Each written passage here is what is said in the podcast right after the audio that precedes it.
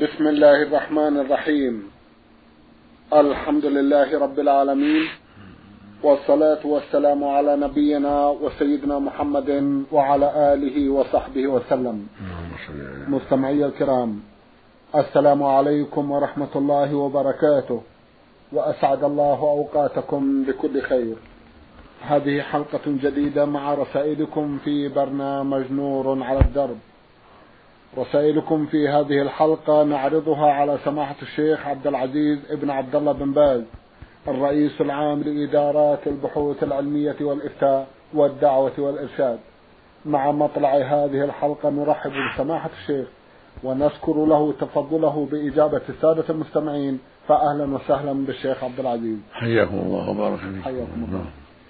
أولى رسائل هذه الحلقة رسالة وصلت إلينا من أحد الإخوة المستمعين سمى نفسه السديس أخونا له بعض الأسئلة في أحدها يقول شركة تعرض بطاقات للتخفيض بالاشتراك بمبلغ محدد في السنة. يعطى حاملها تخفيض بنسبة معينة وذلك في بعض الجهات التجارية دون بعض. ما حكم الاستفادة منها؟ جزاكم الله خيرا. بسم الله الرحمن الرحيم. الحمد لله وصلى الله وسلم على رسول الله وعلى آله وأصحابه ومن اهتدى بهداه. أما بعد فحكم هذه المعاملة عدم الجواز بل ذلك من الربا لأنه يدفع أموالا من النقود في مقابل تخفيض في محلات معينة إذا اشترى منهم في مقابل هذا المال. الذي قدمه للشركة. وقد صدر من اللجنة الدائمة من بحوث العلم والإفتاء برياستي واشتراكي فتاوى كثيرة في هذا الباب كلها تريد المنع. نعم. جزاكم الله خيرا. يسأل سؤالا آخر ويقول امرأة كبيرة في السن لا تضبط نفسها من حيث الطهارة هل لها الجمع بين الصلوات؟ نعم لا بأس أن تجمع كالمريض لأنها مريضة. فلا بأس أن تجمع بين الظهر والعصر في وقت إحداهما وبين المغرب والعشاء في وقت إحداهما. نعم. جزاكم الله خيرا. ألاحظ بعض أسماء الله سبحانه وتعالى على بعض الأشياء التي مصيرها إلى النفايات والزبالة. فمثلا البضاعة الفلانية من وارد عبد الله مثلا أو من وارد عبد العزيز وهذه الأشياء ترمى بعد الانتهاء من قضاء الحاجة منها ترمى في مكان النفايات. فما هو توجيهكم للناس؟ جزاكم الله خيرا. الإثم على من رماها. في النفايات والقمامات. كل شيء فيه ذكر الله. من قصاصات الجرائد أو الرسائل أو إعلانات أو غير ذلك. يجب أن يكرم ويصان أو يدفن في أرض طيبة أو يحرق أو يسحق بمكان التي تسحقه حتى لا يبقى له أثر. أما يوقع في النفايات والمزابل هذا لا يجوز. والإثم على من ألقاه لا لا على من كتبه. على من ألقاه لأن الناس يضطرون إلى أن يكتبوا في رسائلهم وفي مضايعهم التي ينوهون عنها ويعلنون عنها. أنهم اضطروا إلى اسم عبد الله وعبد العزيز وفي الرسائل إلى التسمية وغير ذلك.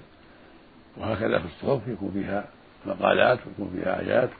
فالحاصل أن كل ما فيه ذكر الله يجب أن يصان إما بإتلافه في طريق بطريقة تتلفه بكلية وتسحقه لا يبقى له أثر أو بدفنه في أرض طيبة أو بتحريقه أو بحفظه في مكان طيب. جزاكم الله خيرا. من جمهورية مصر العربية المستمع ميم نون ألف بعث برسالة ضمنها جمعا من الأسئلة. عرضنا بعض أسئلته في حلقة مضت وفي هذه الحلقة بقي له بعض آخر. يقول لي ابنة عم أرغب في الزواج منها وهي كذلك.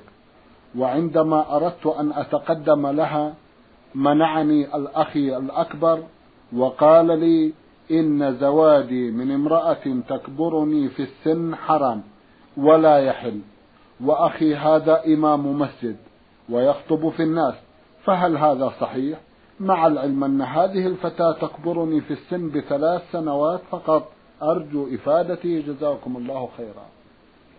هذا غلط. كلام أخيك غلط.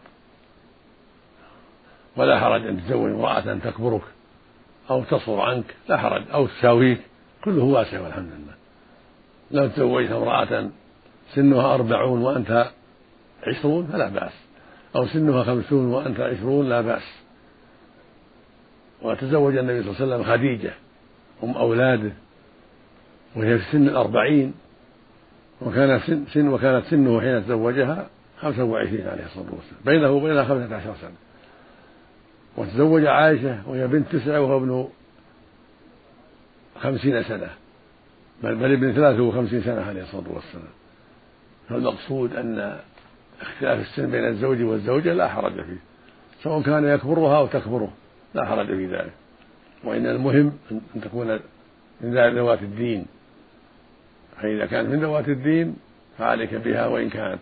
أكبر منك.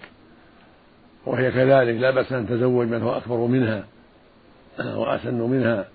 لا حرج في ذلك إذا كان صالحا لها لدينه وخلقه. ولو كانت بنت أربعين وهو بن ستين أو كانت بنت عشرين وهو بن ثلاثين أو بنت خمسة عشر وهو بن عشرين أو بن خمسة وعشرين كل هذا لا حرج فيه. سواء كانت تكبره أو يكبرها. لا حرج في هذا عند جميع أهل العلم. نعم. جزاكم الله خيرا. هل يحل أن يتزوج شخص من فتاة رضع مع أختها التي هي من سنه وفي عمره؟ هل تكون حلال أم لا؟ أعيد يقول هل يحل أن يتزوج شخص من فتاة رضع مع أختها التي هي من سنه وفي عمره؟ هل تكون حلالا له أو لا؟ إذا رضع من أمها رضاعا تاما خمس مرات فأكثر فأولادها إخوة له هذه وغيرها.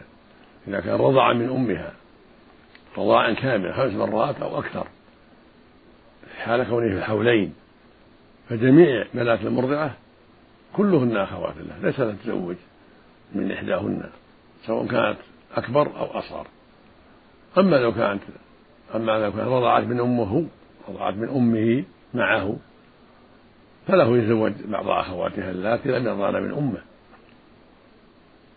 وأما هو إذا كان رضع من أمها فجميع بنات الأم المرضعة أخوات له. التي قبل المرضعة والتي التي قبل الرضيعة والتي بعد الرضيعة نعم. جزاكم الله خيرا من جمهورية مصر العربية المستمعة ميم ميم عين. تقول هل تهذيب شكل الحاجب؟ بأخذ قليل من الشعر منه. حرام. وماذا عن باقي الوجه؟ وأخذ الشعر منه. وما هي النامصة؟ نريد توضيح ذلك. جزاكم الله خيرا. الرسول صلى الله عليه وسلم لعن النامصة والمتنمصة والنامصة التي تأخذ شعر الحاجبين والمتنمصة التي تفعل ذلك بها. فالمقصود أن النمص أخذ شعر الحاجبين ولو قليلا. لا يجوز تحجيبه ولا أخذ شيء من الحاجبين ولا شعر الوجه العادي لأن هذا هو النمص. لكن إذا كان هناك شعر يشوه الخلقة كالشارب أو اللحية فإن هذا يؤخذ ولا حرج. أما أن تأخذ شعر الحاجبين أو تهذب شعر الحاجبين هذا لا يجوز. نعم. جزاكم الله خيرا. المستمع هويدي ديان الوريكاني السلمي من منطقة الكامل بعث برسالة مطولة بعض الشيء ملخصها أنه يؤم أناس دون أن يستأذن منهم. فهل عمله هذا صحيح؟ إذا قدموه وصلى بهم فليس من اللازم يستأذن الجميع. إذا قدمه أعيانهم أو قدمه ولاة الأمر. في هذا المسجد فلا حرج. أن لكن إذا كانوا يكرهونه من أجل خصومة بينه وبينهم وشحنة أو من أجل بدعته أو من أجل أنه عنده معاصي ظاهرة فلا ينبغي له أن يؤمهم. وقد جاء في بعض الأحاديث الصحيحة أن النبي قال من ثلاثة لا يقبل الله لهم صلاة ولا تصاد لهم حسنة. ذكر منهم من أما قوما وهم له كارهون. قال العلماء يعني إذا أمهم بغير حق. إذا كرهوه بغير إذا كرهوه بحق. إذا كرهوه بغير حق بغير بحق فإنه لا يؤمهم يكرهون لبدعته أو لشحناء بينه وبينهم لا يؤمهم أما إذا كان لا هو مستقيم من أهل السنة وليس به بأس ولكن كرهوه لأنه يدعوهم إلى الله لأنه يعلمهم لأنه يأمرهم بالمعروف ينهى عن المنكر لا هذا لا عبرة بكراهتهم يؤمهم ولا ولا عبرة بكراهتهم. لكن إن كرهوا بحق لأنه صاحب خصومة بينه وبينهم شحناء أو لأنه صاحب بدعة أو يرون منه معاصي ظاهرة كالإسبال وحلق اللحية فلا يؤمهم لأن عليه مؤاخذة في هذا. فالذي يحلق لحيته أو يقصها أو يسبل ثيابه فهم الاعتراض عليه إما أن يستقيم وإما أن يعتزلهم وهكذا لو كان معروفا ببدعة ممن يدعو إلى الموالد والاحتفال بالموالد أو يدعو إلى الاحتفال بليلة سبع وعشرين ليلة الإسراء والمعراج أو ممن يتهم بأشياء أخرى يعرف منه تعرف منه أماراتها ودلائلها مما هو بدعة أو معصية ظاهرة. فالحاصل أن إذا كان عليه أمر واضح يكرهونه بحق لبدعته أو دعوته إلى الباطل أو إظهاره المنكر أو ما أشبه ذلك مما هو مما هو عذر له في كراهتهم له فإنه لا يؤمهم جزاكم الله خيرا. يقول في سؤال آخر إن لي زوجة أرضعتها امرأة في صغرها. وزوجتي تقول لها هي أمي والمرضعة تقول لها هي ابنتي عيد. يقول إن لي زوجة أرضعتها امرأة في صغرها وزوجتي تقول لها هي أمي والمرضعة تقول لها هي ابنتي هل تكون مرضعة زوجتي محرما لي؟ نعم إذا كان أرضعتها خمس رضعات الحولين فإنها أم أم زوجتك يقول النبي صلى الله عليه وسلم يحرم من الرضاع ما يحرم من النسب. فإذا كان ثقة المرضعة وذكرت أنها أرضعتها خمس مرات فأكثر خمس رضعات في الحولين فهي محرم لك. أو شهد لها بذلك من هو معروف بالثقة من الرجال أو النساء. أما قول البنت فقط لا يكفي لابد أن تكون مرضعة ثقة. وتشهد برضعات خمس رضعات فأكثر. لأن الرسول صلى الله عليه وسلم لما قالت امرأة لعقبة بن الحارث إني قد أرضعتك أرضك وزوجتك. قال له النبي صلى الله عليه وسلم دعها كيف وقد قيل ذلك. فالمقصود أنه إذا كانت المدعية للرضاعة ثقة وذكر أنها أرضعتها خمس رضعات فأكثر في الحولين فإنها تكون محرما لك. نعم. جزاكم الله خيرا. من الهند رسالة بعث بها أحد الإخوة يقول في نهايتها أخوكم هاشم مصطفى. يقول مسجد في أحد أركانه الخلفية أربعة قبور. هل تجوز الصلاة فيه؟ وهل يفوت الإنسان الجمعة والجماعة؟ ولا يصلي في هذا المسجد أم ماذا جزاكم الله خيرا؟ كل مسجد فيه قبور سواء في أمام أو يمين أو شمال أو خلف لا يصلى فيه ولا تصح الصلاة فيه لأن وجود القبور فيه من وسائل الشرك. وقد يعم وتعمه الأحاديث الصحيحة. يقول النبي صلى الله عليه وسلم لعن الله اليهود والنصارى اتخذوا قبور أنبيائهم مساجد. ويقول صلى الله عليه وسلم لا تصلوا إلى القبور ولا تجلسوا عليها. ويقول عليه الصلاة والسلام ألا وإن من كان قبلكم كانوا يتخذون قبور أنبيائهم وصالحيهم مساجد. ألا فلا تتخذوا مساجد فإني أنهاكم عن ذلك. فالمسجد يتخذ على قبر قد يكون القبر في مقدمة قد يكون في يمين أو في شمال أو في خلف. الواجب نبش هذه القبور. ونقلها إلى المقابر العامة. إذا كانت القبور متأخرة. أما إذا كان المسجد بني عليها لتعظيمها والتبرك بها هو يهدم. فالمسجد يهدم وتبقى القبور على حالها. والمسجد يهدم ويزال ويكون محله مقبرة أما إذا كانت قبور لا جديدة والمسجد قديم فالقبور يجب نبشها وإزالتها وإبعادها إلى المقابر العامة. ويصلى فيه نعم. جزاكم الله خيرا. هل يجوز السكن في بيت به وثن من أوثان الهندوس؟ هذا فيه تفصيل. إذا كان البيت فيه وثن فإن كان يستطيع إزالة الوثن والقضاء عليه أزاله وسكن في البيت.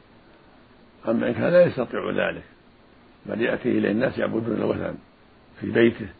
فالواجب عليه ألا يسكن معهم لأنه حين يتهم بالرضا بهذا العمل وربما جروه إلى الشرك فالواجب عليه البعد عن ذلك والتماس بيت آخر. أما إذا استطاع أن يزيل الوثن ويقضي عليه هذا من الجهاد في سبيل الله يقضي عليه ويزيله ويمنع الناس. وله أجره العظيم. نعم. جزاكم الله خيرا. هل تسقط صلاة الجمعة عن المسافر؟ وهل هناك مدة محددة للسفر يكون المرء بعدها مقيما؟ المسافر لا تلزمه الجمعة. لكن إذا حضرها أجزأته. إذا مر بالبلد وصلى معهم أجزأته. ولا فلا تلزمه. وصلى النبي صلى الله عليه وسلم في حجة الوداع يوم الجمعة صلاة الظهر يوم عرفة. ولم يصلي جمعة لأنه مسافر. صلى جمعة صلىها ظهرا. كان يصلي في أسفاره ظهرا ولا يصلي جمعة. والمدة التي يمنع فيها الإنسان من القصر وتلزمه الجمعة أربعة أيام فإذا نوى أكثر من أربعة أيام صلى جمعة وصلى تماما. هذا الذي جمهور أهل العلم. نعم. إذا نوى دخل البلد ينوي إقامة أكثر من أربعة أيام عازما عليها من أجل حاجة في البلد فإنه تلزمه الجمعة تبعا لغيره ويلزمه أن يصلي أربعة أما إن كانت النية أربعة أيام فأقل فإنه يصلي ركعتين. لكن يلزمه أن يصلي الجماعة إذا كان ما عنده أحد. إذا وحده لا يصلي وحده. يصلي مع الناس جماعة لأن الجماعة واجبة. فيصلي مع إخوانه جماعة ويصلي أربعا. لأن المسافر إذا صلى مع المقيمين صلى معهم أربعا. أما إذا كانوا جماعة اثنين فأكثر فهم مخيرون. إن شاءوا صلوا وحدهم قصرا وإن شاءوا صلوا مع الجماعة أربعة جزاكم الله خيرا. إذا أولئك الذين يقولون الشخص المسافر وإن أقام أكثر من أربعة أيام في قولهم نظر مرجوح نعم. قول مرجوح. وفي خلاف بين العلماء بعضهم يحدد بخمسة عشر يوم نعم. بعض العلماء يحدد بتسعة عشر يوم وبعضهم يحدد بأكثر من ذلك وبعضهم لا يحدد. والأقرب والأظهر ما قاله الجمهور رحمة الله عليهم الأكثرون نعم. من التحديد. بأكثر من أربعة أيام إذا نوى أكثر من أربعة أيام. لأن الأصل في حق المقيم أن يصلي أربعة هذا هو الأصل. والأصل في حق المسافر أن يصلي اثنتين. ومن أقام أكثر غلب عليه حكم الإقامة. هذا من حكم الإقامة. ولأنه صلى الله عليه وسلم لما أقام في حجة الوداع أربعة أيام صلى اثنتين. فدل على أن أربع لا تجزي السفر لأنه تقدم يوم يوم الرب من الحجة. ولم يصلي اثنتين حتى توجه إلى منى وعرفات عليه الصلاة والسلام. اللهم صل على جزاكم الله خيرا. من المستمع عين سين جيم رسالة ضمنها بعض الأسئلة. يقول في أحدها ما حكم صلاة المغرب جماعة قبل أذان العشاء بعشر دقائق؟ الصلاة صحيحة إذا كان صلاها قبل غروب الشفق لكن تركوا الأفضل. الأفضل يصلوا في أول الوقت. لكن لو أخروا صلاة المغرب صلوها قبل غروب الشفق الأحمر بعشر دقائق أو بربع ساعة لا حرج. لكن لا ينبغي لهم ذلك. السنة أن تقدم ويبادر بها في أول وقتها. نعم. جزاكم الله خيرا. يقول ما مدى صحة الحديث أدبني ربي فأحسن تأديبي؟ لا أذكر حاله الآن. أقول لا أذكر حال سند نعم جزاكم الله خيرا. ما حكم صلاة المنفرد خلف الصف؟ حكمها عدم الصحة البطلان. لقول النبي صلى الله عليه وسلم لا صلاة لمنفرد خلف الصف. ولأنه صلى الله عليه وسلم رأى رجل يصلي خلف الصف وحده. وحده فأمره أن يعيد الصلاة. صلى الله عليه وسلم. نعم جزاكم الله خيرا. هل يجوز أن يصلي المفترض وراء المتنفل؟ نعم لا حرج في ذلك. لو أن إنسانا لم يصلي فريضته وجاء إلى إنسان يصلي نافلة وصلى معه صحت. كان معاذ رضي الله عنه يصلي بأصحابه العشاء نفلا لأنه قد صلاها مع النبي صلى الله عليه وسلم وهم مفترضون. ولأنه صلى الله عليه وسلم في بعض أنواع صلاة الخوف صلى بطائفة ركعتين فرضه ثم صلى بطائفة الأخرى ركعتين نفلا له وله فرض. فلا حرج. نعم. جزاكم الله خيرا. من الأخت المستمعة ألف سين ألف من مكة المكرمة رسالة وضمنتها جمعا من الأسئلة. أول سؤال لها تقول فيه هل يجوز أن أكتب أسماء الله باليد اليسرى لأني لا أعرف أن أكتب إلا باليد اليسرى. لا حرج في ذلك لأنك معذورة. أما السليم فالسنة يكتب باليمنى. جزاك الله خير هل يجوز وضع السن الذهب؟ لأني سمعت من بعض زميلاتي أن وضع السن الذهب محرم لأن الماء لا يصل إلى السن أثناء الوضوء. فهل هذا صحيح؟ لا حرج في ذلك. الحمد لله. للنساء. من الذهب وغير الذهب. لكن الرجل أولى له الأولى له أن يتخذ سن من غير الذهب إذا تيسر ذلك. نعم. نعم. وهذا السن للمرأة سواء كان للتجمل أو للضرورة؟ لا حرج للتجمل أو للضرورة. نعم. جزاكم الله خيرا. نعم. جزاكم الله خيرا. الذي يحلف ألا يذهب إلى الناس مثل أن يقول والله لن أذهب إلى الناس ثم يذهب ماذا يكون عليه؟ عليه كفارة يمين. والله ما أذهب إلى آل فلان والله ما أزور فلان. هذا عليه كفارة إذا فعل إذا زار أو ذهب عليه كفارة يمين وهي طعام عشرة مساكين أو كسوتهم أو عتق رغبة فإن عجز عن الثلاث صام ثلاثة أيام. هذه كفارة اليمين بنص القرآن في سورة المائدة. نعم. جزاكم الله خيرا. من المستمع صاد صاد عين سوداني مقيم في ساجر بالسر. رسالة وضمنها ثلاثة أسئلة. في أحدها يقول إذا حلف الرجل بالطلاق سهوا دون أن يشعر فماذا يكون الحكم؟ وهل عليه كفارة؟ جزاكم الله خيرا. إذا صدر منه كلام سهوا ما قصده ولا أراده بل صدر من لسانه سهوا. ما عليه السهو ما عليه إذا كان صادقا. مثل لو تكلم بكلمة خرجت من فيه ساهيا نعم. أو نائما. نعم. نعم. جزاكم الله خيرا. ما حكم من يجلس أو يظل على الجنابة فترة من الزمن بعذر أو بدون عذر؟ عيد يقول ما حكم من يجلس أو يظل على الجنابة فترة من الزمن بعذر أو بدون عذر؟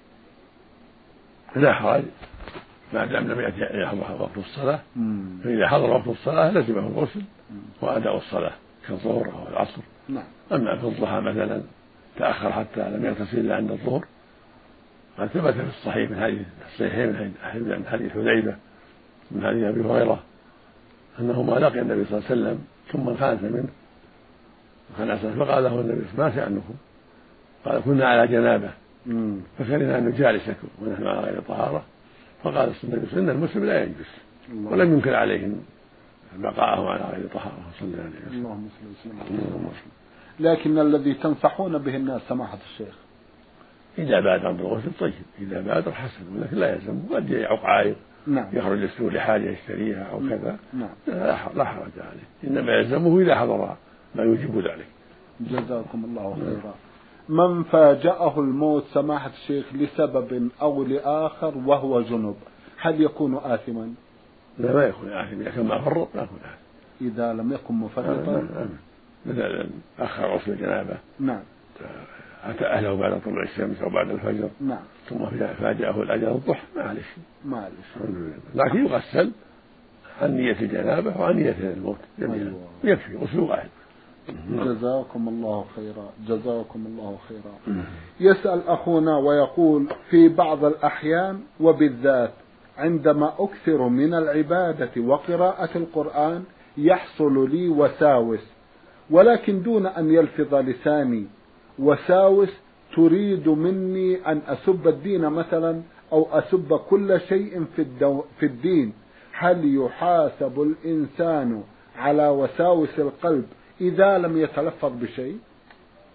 هذا من الشيطان وليس عليه بأس لكن يحارب ذلك. يحارب ذلك ويتعوذ بالله من الشيطان. سئل النبي صلى الله عليه وسلم عن هذا. نعم. فقال له بعض الصحابة يا رسول الله إن أحدا يجد في نفسه ما لا ما لا ما لا أن يخر من السماء أهون عليه من أن ينطق به. فقال تلك الوسوسة. في اللفظ إذا وجد أحدهم ذلك فليقل آمنت بالله ورسله وليستعذ بالله ولينتهي ويقول صلى الله عليه وسلم إن الله تجاوز عن أمتي ما حدث بأنفسها ما لم تعمل أو تكلم. فالمؤمن لا يضره ذلك لكن يحارب هذه الأشياء. يحارب هذه الخطرات ويقول آمنت بالله ورسله. أعوذ بالله من الشيطان الرجيم. ينتهي. نعم. جزاكم الله خيرا. نعم. رسالة من الرياض وباعثتها إحدى الأخوات المستمعات تقول السائلة واو ميم خاء. لها جمع من الأسئلة في أحدها تقول لي أخ يريد الزواج من امرأة معينة وهو شاب يخشى عليه.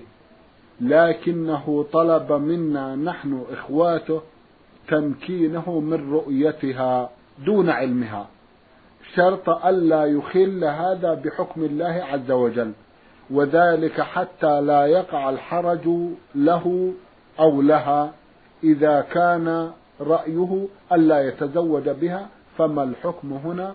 وما السبيل إلى ذلك؟ مع العلم بأننا والحمد لله محافظون على تطبيق ما يرضى ما يرضى عنه الله سبحانه وتعالى. لا حرج في لا حرج في ذلك. أن تسعي في تمكينه من رؤيتها من دون خلوة؟ كأن تعزمها إحداكن ثم ينظر إليها من باب أو قوة أو غير ذلك وهي معكن. لا حرج في ذلك. النبي صلى الله عليه وسلم رخص. للصحابة أن ينظرن أن ينظروا في في المخطوبة. كان جابر لما أراد يتزوج امرأة جعل يتخبأ لها حتى ينظر, ينظر إليها. فالمقصود إذا كان النظر من دون خلوة فلا حرج في ذلك إذا كان يريد خطبتها نعم. جزاكم الله خيرا. إنما بشرط أن يكون مريدا للخطبة. لا لا بد لا بد يكون ولا فلا يجوز. جزاكم الله خيرا. نعم. تقول في سؤال آخر مر ما يقارب أكثر من تسعة عشر عاما وأبي هاجر لأمي ولا يفي لها بحقوق الزوجية بحقوق الزوجية التي شرعها الله بين الزوجين ولا تزال الحال هذه حتى اليوم. وأمي موجودة في البيت تقوم على رعاية شؤوننا فما الحكم والحال هذه؟ هل تعتبر مطلقة بمرور الفترة المذكورة؟ جزاكم الله خيرا. هذا فيه تفصيل. إن كانت تريد الطلاق أو العدل ولم يفعل هو يأثم بذلك بهذا الهجر. أما إذا كان قد خيرها وقال لها إن شئت الطلاق طلقتك وإذا أنا ما يمكن أن أعدل بينك وبينك وبين ضرتك. أو لا يمكن أن أقوم بواجبك من جهة النفقة أو من جهة المضاجعة والجماع. إذا كان قال لها ذلك فهو معذور ولا حرج عليه. أما إن كان هجرها وتركها ولم يطلقها وهي تطلب الطلاق هذا لا يجوز له يأثم بذلك. وإن كان عندها أولاد فعليه النفقة عليهم. نعم.